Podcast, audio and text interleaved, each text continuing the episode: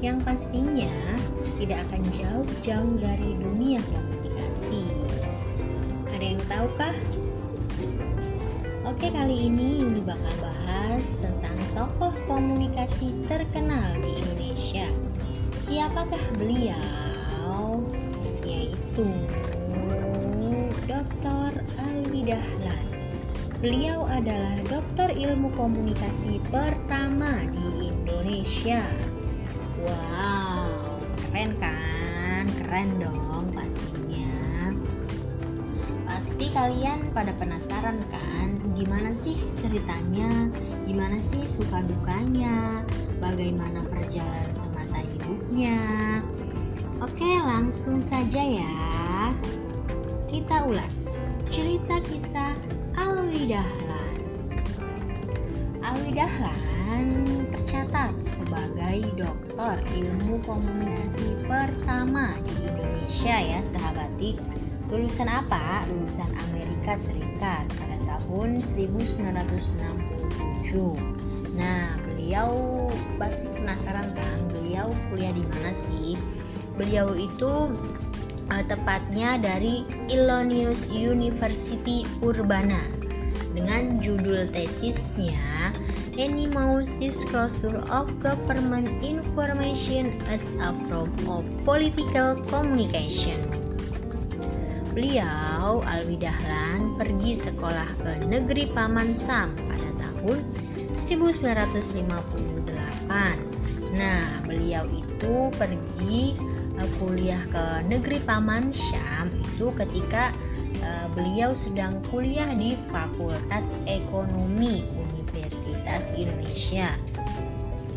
Nah, beliau itu mendapatkan beasiswa for Graduate Student Leadership Project di Minnesota.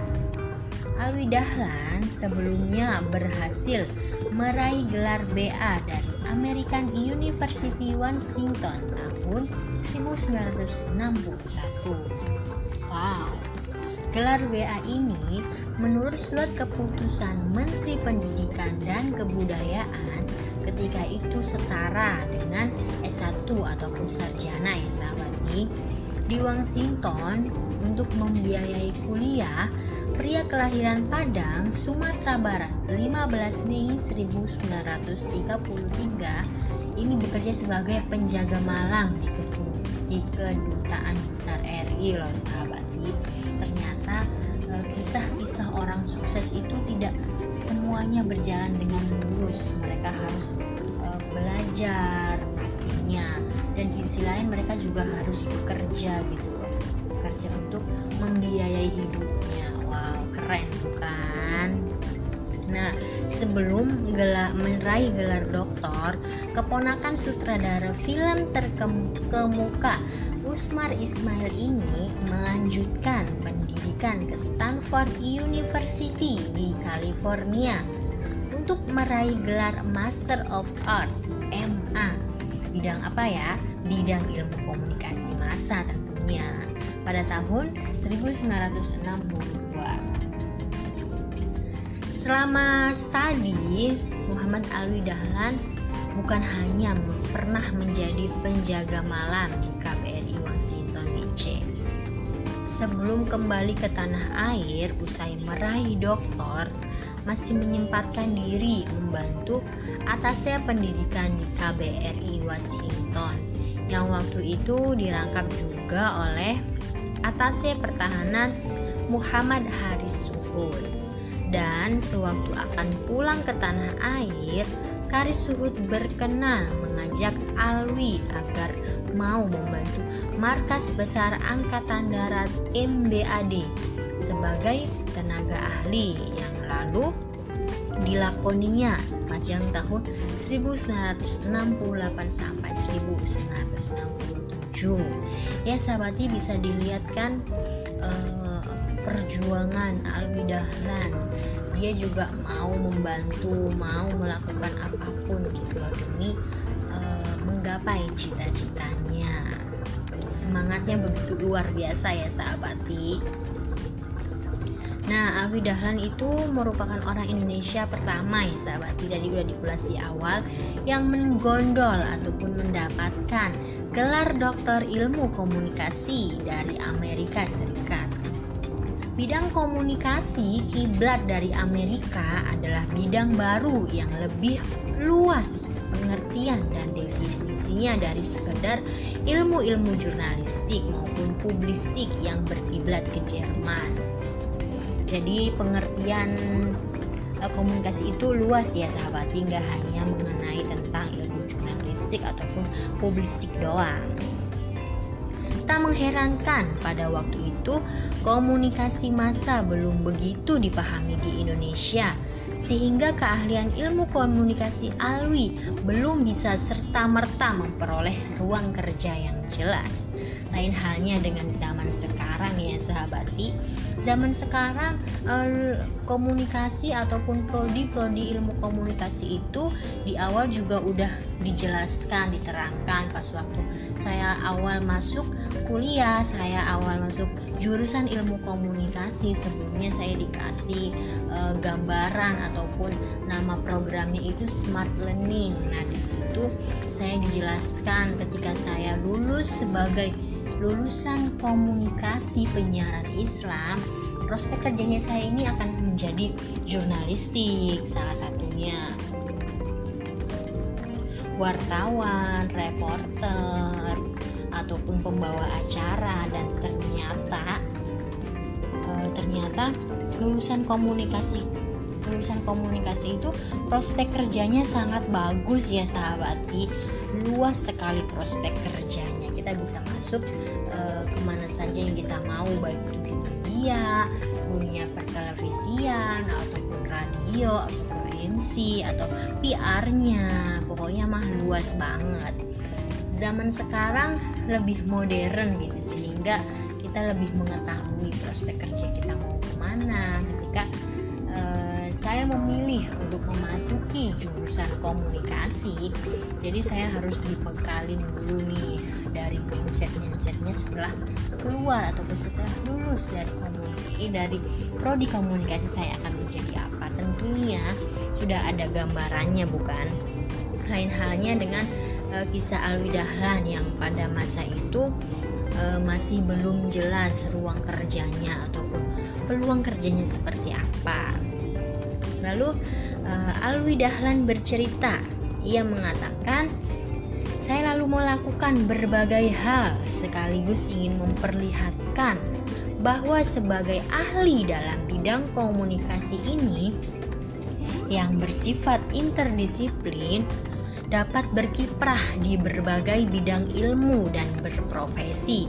Cerita Alwi yang dari cerita tersebut Eh, kita mendapatkan pelajaran ya sahabati bahwa eh, segala sesuatunya itu harus diperjuangkan dan pastinya membutuhkan proses apalagi untuk mendapatkan uh, sebuah kepercayaan dari seseorang itu sangat sulit sehingga untuk mendapatkan kepercayaan itu dibutuhkan perjuangan perjuangan yang lebih keras ya sahabati uh, yang butuh waktu lama gitu loh Alwi Dahlan itu membutuhkan waktu yang lama untuk membuktikan keahliannya, membuktikan orang itu percaya terhadap keahlian Alwi Dahlan.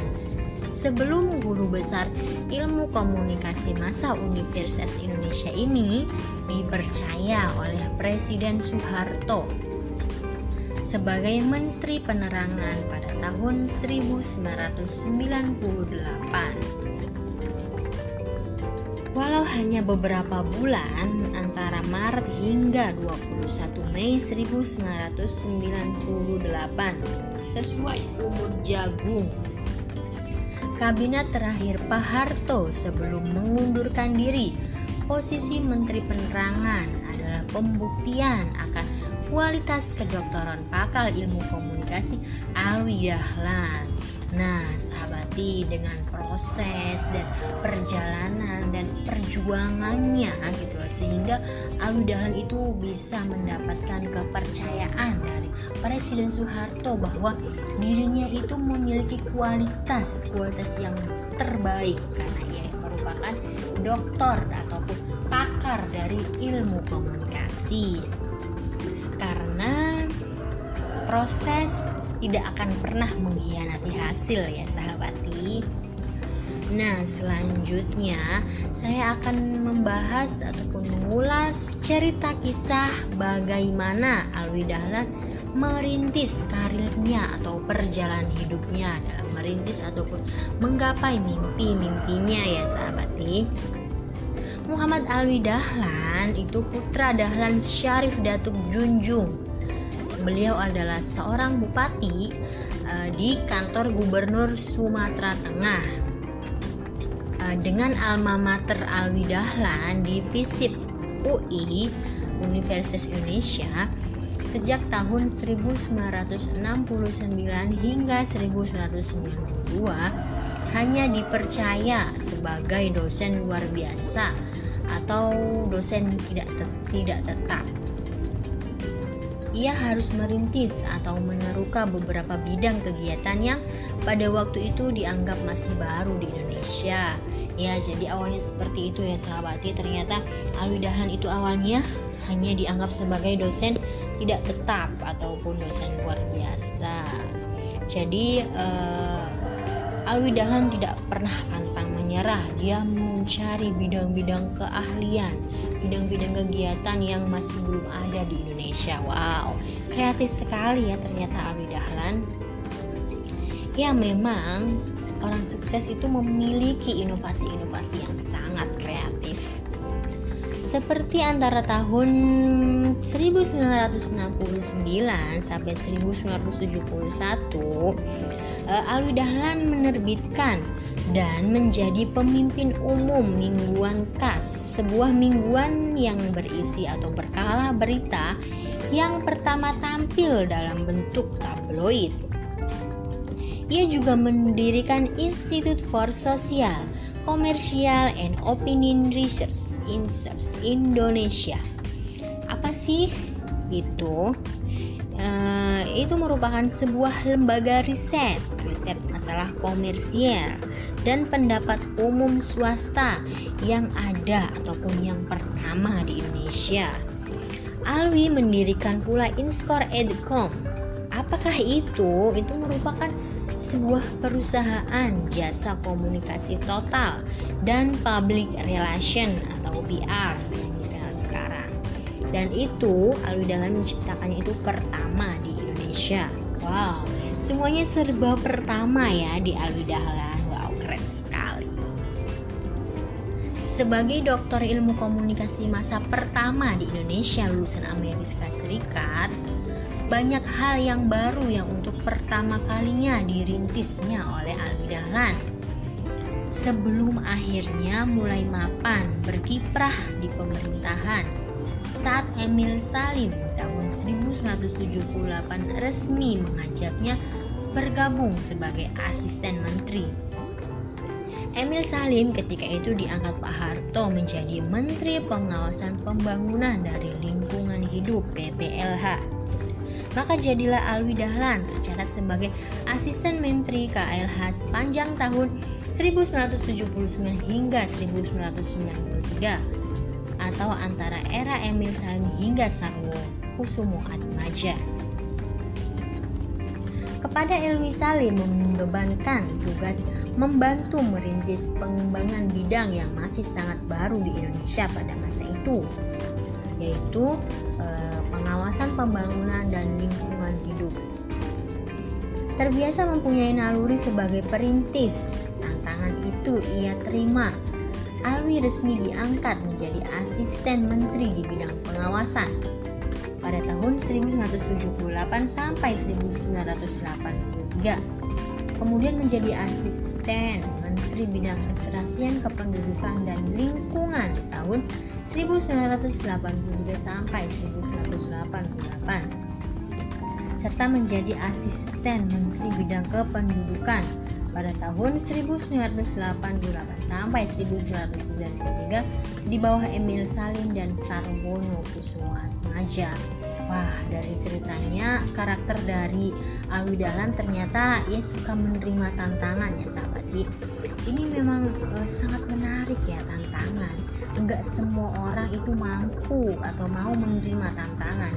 Dari kisah Alwi Dahlan kita harus mempunyai jiwa uh, pejuang pekerja keras.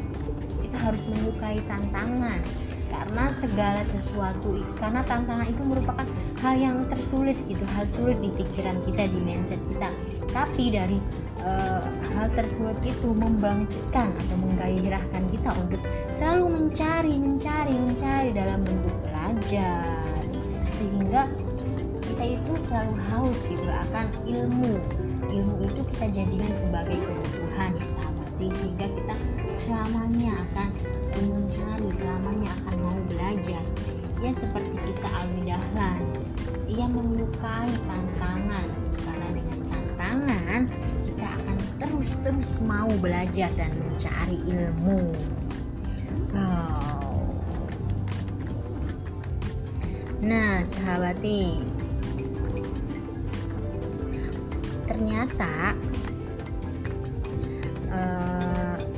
pada tahun 1990 Alwi Dahlan juga diserahi tugas dan tanggung jawab kampanye kesadaran lingkungan hidup. Tugas yang antara lain berhasil menelorkan kebijakan pemberian penghargaan tahunan Kalpataru, neraca lingkungan daerah dan berbagai kebijakan lingkungan hidup lainnya.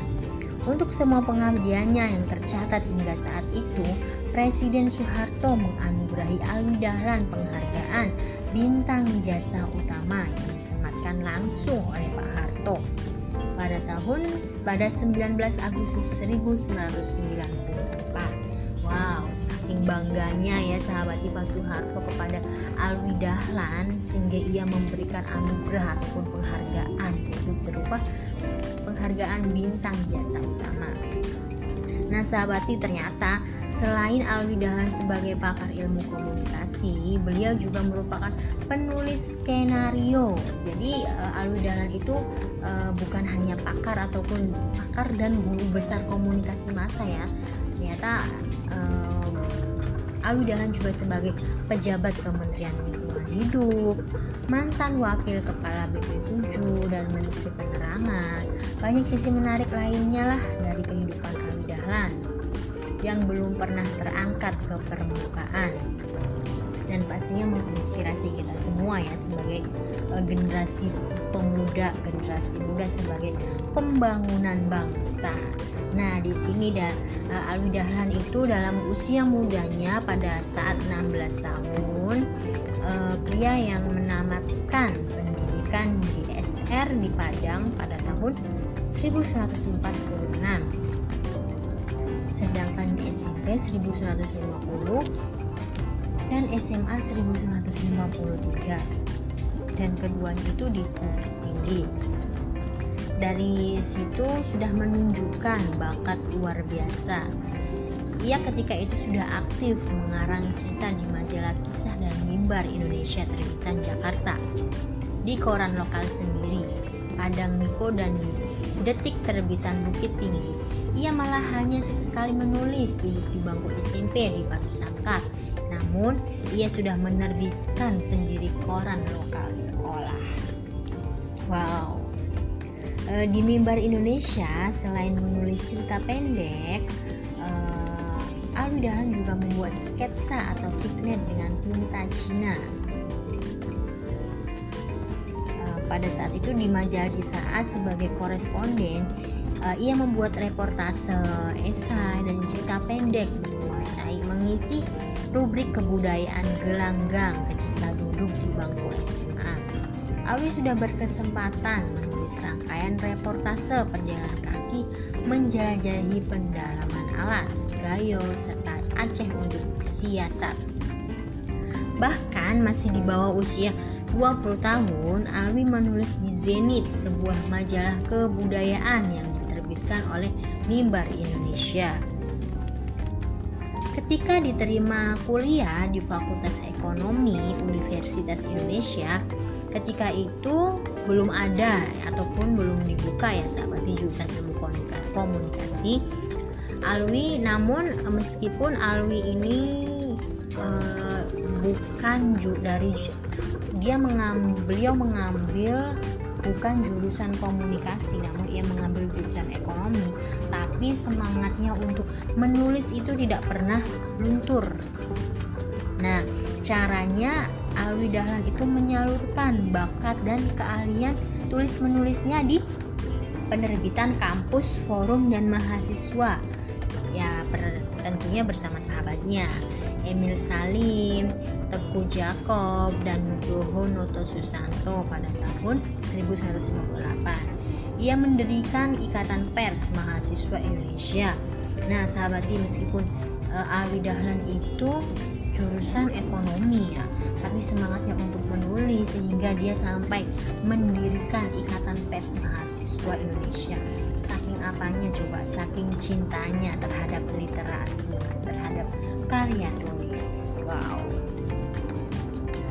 apalagi kita ya sahabat khususnya saya gitu sebagai mahasiswa komunikasi uh, harus lebih lebih belajar ataupun memulailah menulis. Apa pun ide yang ada di pikiran marilah kita memulai untuk menulis. Karena dengan menulis meskipun uh, kita sudah tiada di dunia ini semua yang ada di dalam pikiran kita akan tetap terkenang selamanya oleh seluruh oleh semua orang ya sahabati nah bakat kepengarangan dari Alwi Dahlan ini boleh dikatakan menurun ataupun dari gen gen dari pamannya yaitu Usmar Ismail. Nah, Usmar Ismail itu kan merupakan sutradara film terkemuka yang juga dikenal sastrawan angkatan 45. Alwi Dahlan pernah mencatat prestasi gemilang menulis 9 skenario film sepanjang tahun 1953 sampai 1958 ia bersama pamannya Usmar Ismail menulis skenario untuk film Harimau Kampa yang pada Festival Film Indonesia tahun 1958 merebut Piala Citra sebagai skenario film terbaik. Wow.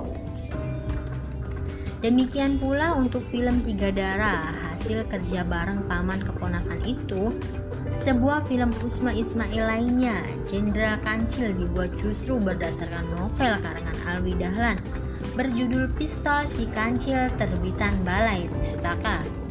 Alwi Dahlan ketika masih disibukkan tugas-tugas eksekutif di pemerintahan, terakhir itu menjabat sebagai wakil kepala BP7 sebelum diangkat menjadi Menteri Penerangan oleh Pak Harto. Masih menyempatkan diri mengembangkan diri di bidang ilmu komunikasi massa sebagai akademisi yaitu menjabat sebagai guru besar FISIP UI. Uh, eh, namun ia juga banyak diminta berbicara dalam berbagai seminar.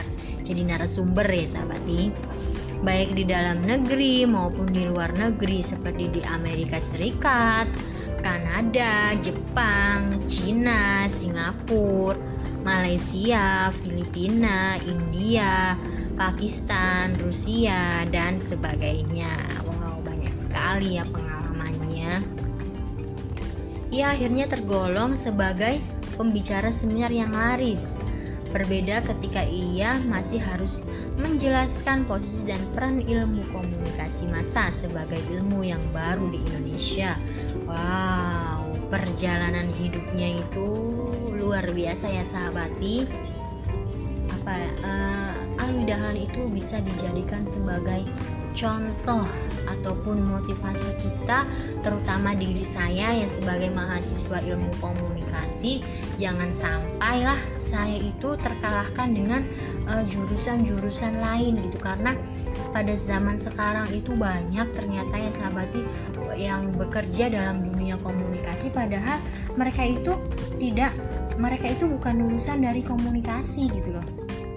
Jadi eh, kita sebagai mahasiswa komunikasi jangan sampai kalah ya dengan skill-skill dari eh, mahasiswa yang dari jurusan lain dan ternyata uh, teman saya yang sahabati beliau itu dari jurusan uh, sastra Arab dia lebih menguasai gitu loh lebih menguasai mengenai tentang ilmu jurnalistik, tentang desainer, tentang menulis berita, bahkan e, karya-karyanya itu ia mampu gitu loh menerobos media-media cetak lokal sehingga berita-berita yang ia tulis itu bisa mampu gitu loh diminati oleh uh, media cetak.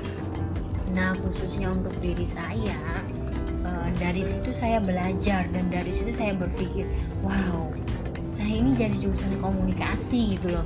Tapi kok saya masih gini-gini aja gitu. Apa skill apa yang saya dapatkan gitu ketika saya lulus karena kan zaman sekarang itu nilai IPK itu hanya sebatas sebatas selembar kertas. Yang dibutuhkan itu skill kita gitu loh. Tanpa skill, tanpa kompetensi, tanpa kemampuan di dalam dunia kerja itu saya bakal tergirus oleh derasnya zaman gitu karena nggak baru di lingkungan sekitar yang beda jurusan ternyata banyak sekali loh sahabat orang-orang yang lebih menguasai desain, lebih menguasai jurnalistik, teknik menulis berita ketimbang mahasiswa-mahasiswa yang asli dari jurusan komunikasi. Terkadang eh, saya melihatnya sangat miris ya sahabatin anak-anak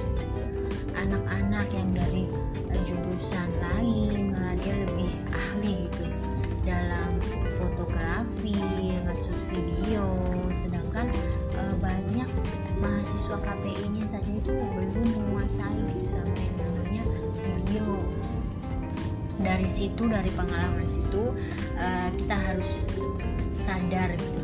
Tingkat kesadaran kita itu harus lebih tinggi. Dimulai dari diri saya sendiri mulai dari sekarang harus lebih mampu meningkatkan skill. Apalagi sekarang pada semester 6 kan kuliah daring ya sahabati dari situ saya harus bisa mampu belajar mandiri kan gak hanya di bangku sekolah gitu loh. Meskipun kuliah sedang daring tapi kita harus pintar-pintar mencari waktu mencari peluang relasi. Kita nggak usah malu gitu loh kita dari jurusan komunikasi. Tapi kok kita belajar sih sama anak sastra sama anak bahasa bahasa Arab dari tafsir Al-Quran dari filsafat. Kita tidak perlu malu ya sahabati karena yang namanya belajar itu sama siapa pun kita nggak boleh melihat orang yang berbicara, tapi kita lihatlah isi dari apa yang ia bicarakan. Uh, saya pernah menanyakan kepada teman saya yang ia itu jurusan dari filsafat. Nah, saya itu penasaran gitu loh, kok kamu bisa ya gitu menguasai video syuting gitu, fotografi. Padahal kamu kan nggak pernah belajar mengenai video syuting dan dia e, menjawab bahwa dia juga e, mengerti mengenai video syuting, fotografi dan teknik menulis berita itu bukan dari bangku sekolah tapi dari organisasi. Nah dari situ saya berpikir e, ternyata organisasi itu sangat penting ya sahabatnya untuk e, kuliah kita nggak boleh ninggalin. Kuliah itu tetap memprioritaskan kuliah. Tapi di sisi lain juga kita tidak usah jangan sampai gitu loh meninggalkan guru tapi di sini juga kita aktif dalam organisasi. Karena dari organisasi kita bisa mendapatkan pengalaman ataupun pembelajaran yang di bangku kuliah itu kita tidak bisa dapatkan gitu bahkan tidak menutup kemungkinan banyak dan yang gak, gak semua sih tapi beberapa orang meskipun dia bisa kuliah bisa tepat tepat lulus tepat waktu tapi di sisi lain di luar kampus di luar kelas dia juga aktif di organisasi sehingga dia itu memiliki banyak skill banyak kemampuan. Karena apa? Karena kerja keras dan usahanya. Dan bahkan gitu ada beberapa orang gitu dia itu lebih nyaman ataupun dia itu lebih bisa menangkap ilmu pengetahuan ataupun skill di luar bangku sekolah karena kan kecerdasan anak itu berbeda-beda ya sahabati ada yang lebih mengerti penjelasan guru ataupun dosen ada yang uh, inginnya itu langsung praktek ataupun menerapkannya secara langsung gitu. tapi uh, saya sarankan saya ngasih saran uh, kuliah diutamakan tapi organisasi juga jangan ditinggalkan. Kita harus mulai dari sekarang kita harus belajar menggali potensi kita. Bisa dimulai dari hobi karena uh, segala sesuatu yang dijalankannya dari bermula dari hobi itu sangat menarik ya sahabati nggak membosankan gitu. Ya contohnya kayak uh, kayak misalkan saya nih suka ngomong nih suka ngomong. Nah kita manfaatin nih hobi kita yang suka ngomong ini. Kita masuklah ke organisasi yang bisa mendukung hobi kita yaitu contohnya keprotokolan dan MC nah kita bisa masuk tuh ke organisasi situ sehingga hobi kita yang awalnya ngomong itu nggak hanya ngomong nganggur gitu tapi di sisi lain kita juga mempunyai bakat gitu. bakat kita itu terasah terwadahi gitu. Adanya organisasi. Karena organisasi itu kan wadah suatu wadah ataupun kumpulan orang yang memiliki tujuan bersama ataupun satu tujuan. Oke sahabati sekian podcast dari saya. Kurang lebihnya saya mohon maaf Wallahul muwafiq ila aqwamit Wassalamualaikum warahmatullahi wabarakatuh. Broadcasting. Oke, oke. Sampai jumpa.